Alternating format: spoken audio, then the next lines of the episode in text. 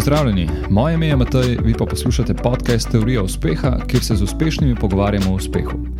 Preko intervjuja razkrivamo, kaj posameznikom predstavlja uspeh, in se pogovarjamo o navadah in strategijah, ki so jim pomagale na njihovi poti do uspeha. Vsak drugi teden pa objavljam tudi krajše, petminutne solo epizode, kjer z vami delim svoje monologe, nasvete oziroma moje filozofiranje iz naslonjača. Pozdravljeni v novi solo epizodi podcasta Teorija uspeha. Um, v tej epizodi se bomo nekoliko dotaknili vodenja zaposlenih. Pred kratkim sem se udeležil enega webinarja, kjer smo govorili o tem, kako kreirati uh, neko kulturo, podjetniško kulturo, kjer se zaposleni čutijo um, pomembno, oziroma se čutijo, da nekaj pomenijo. Uh, webinar je izvajal avtor knjig in speaker Zek Merkurijo. In v bistvu vsem, ki vas zanima vodenje ali pa ki ste v vlogi vodenja, toplo, toplo priporočam, da preverite Zajkovo delo.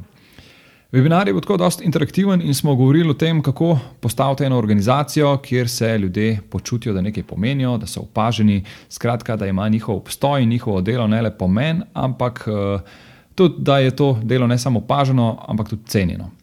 Um, izmed celotne vsebine webinarja bi želel z vami deliti um, naslednje. Oziroma, nekaj, kar mi je kljub svoji preprostosti dalo misliti. Eh, dalo mi je misliti o dejstvu, kako ljudje pogosto pogrnemo pri tistih najbolj preprostih stvareh. Stvareh, ki se nam zdijo tako samoumevne in pogosto čist nevredne, ali pa precej nevredne naše pozornosti. Eh, Naprimer, kot prvo, kot vodja tima je, oziroma saj upam, da je neka redna praksa, da se vodja članu svojega tima zahvali, ko on ali ona dobro upravi neko delo, ki mu je bilo delegirano, ali pa ko le ta doseže nek želeni dosežek. Ampak pozabljamo, da je ta hvala um, pogosto samo nek tak generičen rek, ki ga človek pogosto izreče in sliši, in je nekako brez konteksta, mogoče že precej izgubil na svoje vrednosti. Um, in recimo. Ta klasični hvala bi lahko preoblikovali v neki v smislu, če ne bi bilo tebe, ne bi naredili, pač ne bi bilo narejeno to in to.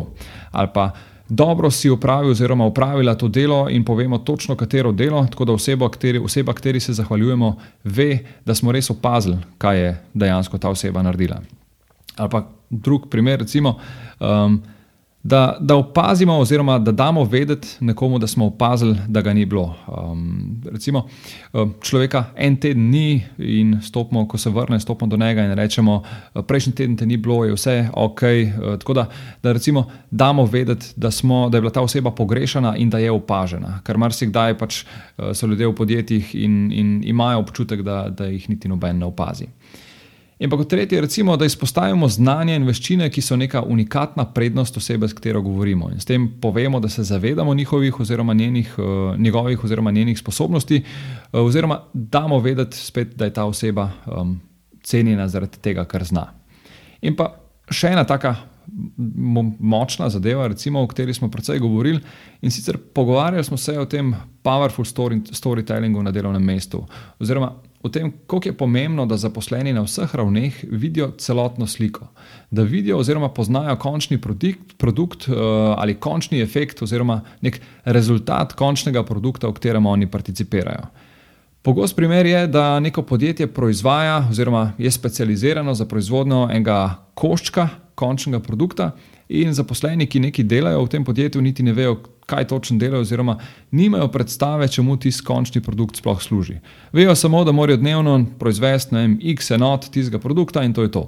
In verjamem, da je motivacija za delo, oziroma neko osmišljanje dela v takih primerih, verjetno precej na nizki ravni. Um, verjetno bi bilo drugače, če bi, na primer, vedeli, da je tisti produkt, ki ga oni, oziroma da, delček, eh, da je tisti delček, ki ga oni proizvajajo, del enega produkta, ki je nepogrešljiv del ene naprave, ki rešuje življenje. Zdaj, mogoče bi, bi bilo to najlažje ponazoriti z neko zgodbo, ki so jo tudi na webinarju predstavili nam. Eh, zdaj, če jo povem malo skrajšano in poenostavljeno. Neka ženska je bila del ene skupine v proizvodnem podjetju, kjer so proizvajali nek pol izdelek, uh, ampak niso poznali njihovega, zaposleni niso poznali njihovega končnega namena. Um, in klima v tem podjetju je bila izjemno slaba, zaposleni so bili nemotivirani, nasplošno so vladale tako precej slabe razmere za delo. In ta ista oseba je nekega dne zbolela za rakom. Tekom zdravljenja je ležala v bolnišnici, uh, ko je ležala v bolnišnici, je opazila logotip, tak mali logotip svojega podjetja um, oziroma podjetja, v katerem je bila zaposlena. na eni napravi, ki se je uporabljala pri njenem zdravljenju.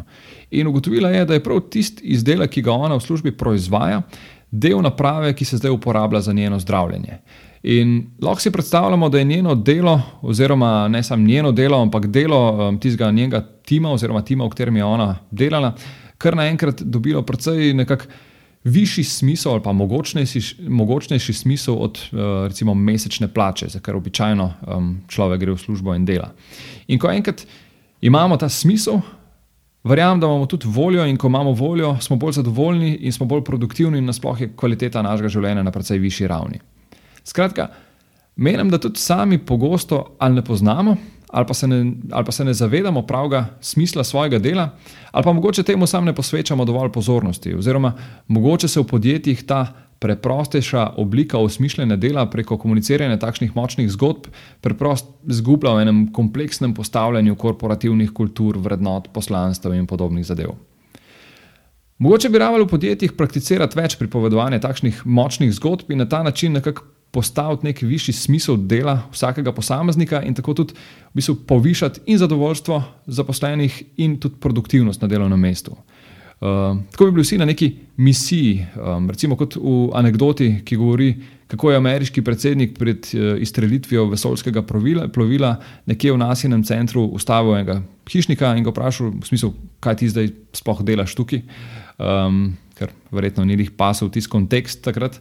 In hišnik mu je odgovoril, da pomaga spravljati človeka v vesolje. In v bistvu, kljub temu, da je bilo njegovo delo verjetno rangirano precej niže kot pa delo ostalih v tistem centru, um, je bil na isti misiji kot vsi ostali in je dejansko prispeval k istem cilju. Sicer lahko bi on nevoljno upravljal svoje delo in se počutil manj vrednega, kar je verjetno neka pogosta praksa v podjetjih, ampak on je dejansko cenil to, kar je počel in je bil, kot je tudi prav, na misiji z vsemi ostalimi.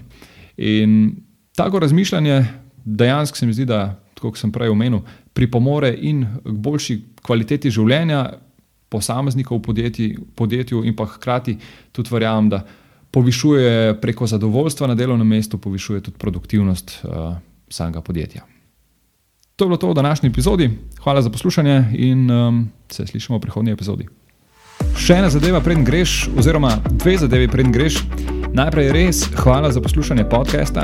Če ti je bila epizoda všeč, te vabim poslušanje ostalih epizod, tistih, ki so že objavljene in tistih, ki še bodo. Hkrati pa te prosim, da na svoji podcast platformi podaš oceno oziroma postiš komentar ali pa mogoče še več, da deliš podcast s svojimi prijatelji oziroma osebami, za katere meniš, da bi jih utegnil zanimati. In mi tako pomagaš pri širjenju prepoznavnosti podcasta. Še enkrat hvala in se slišimo v prihodnji epizodi.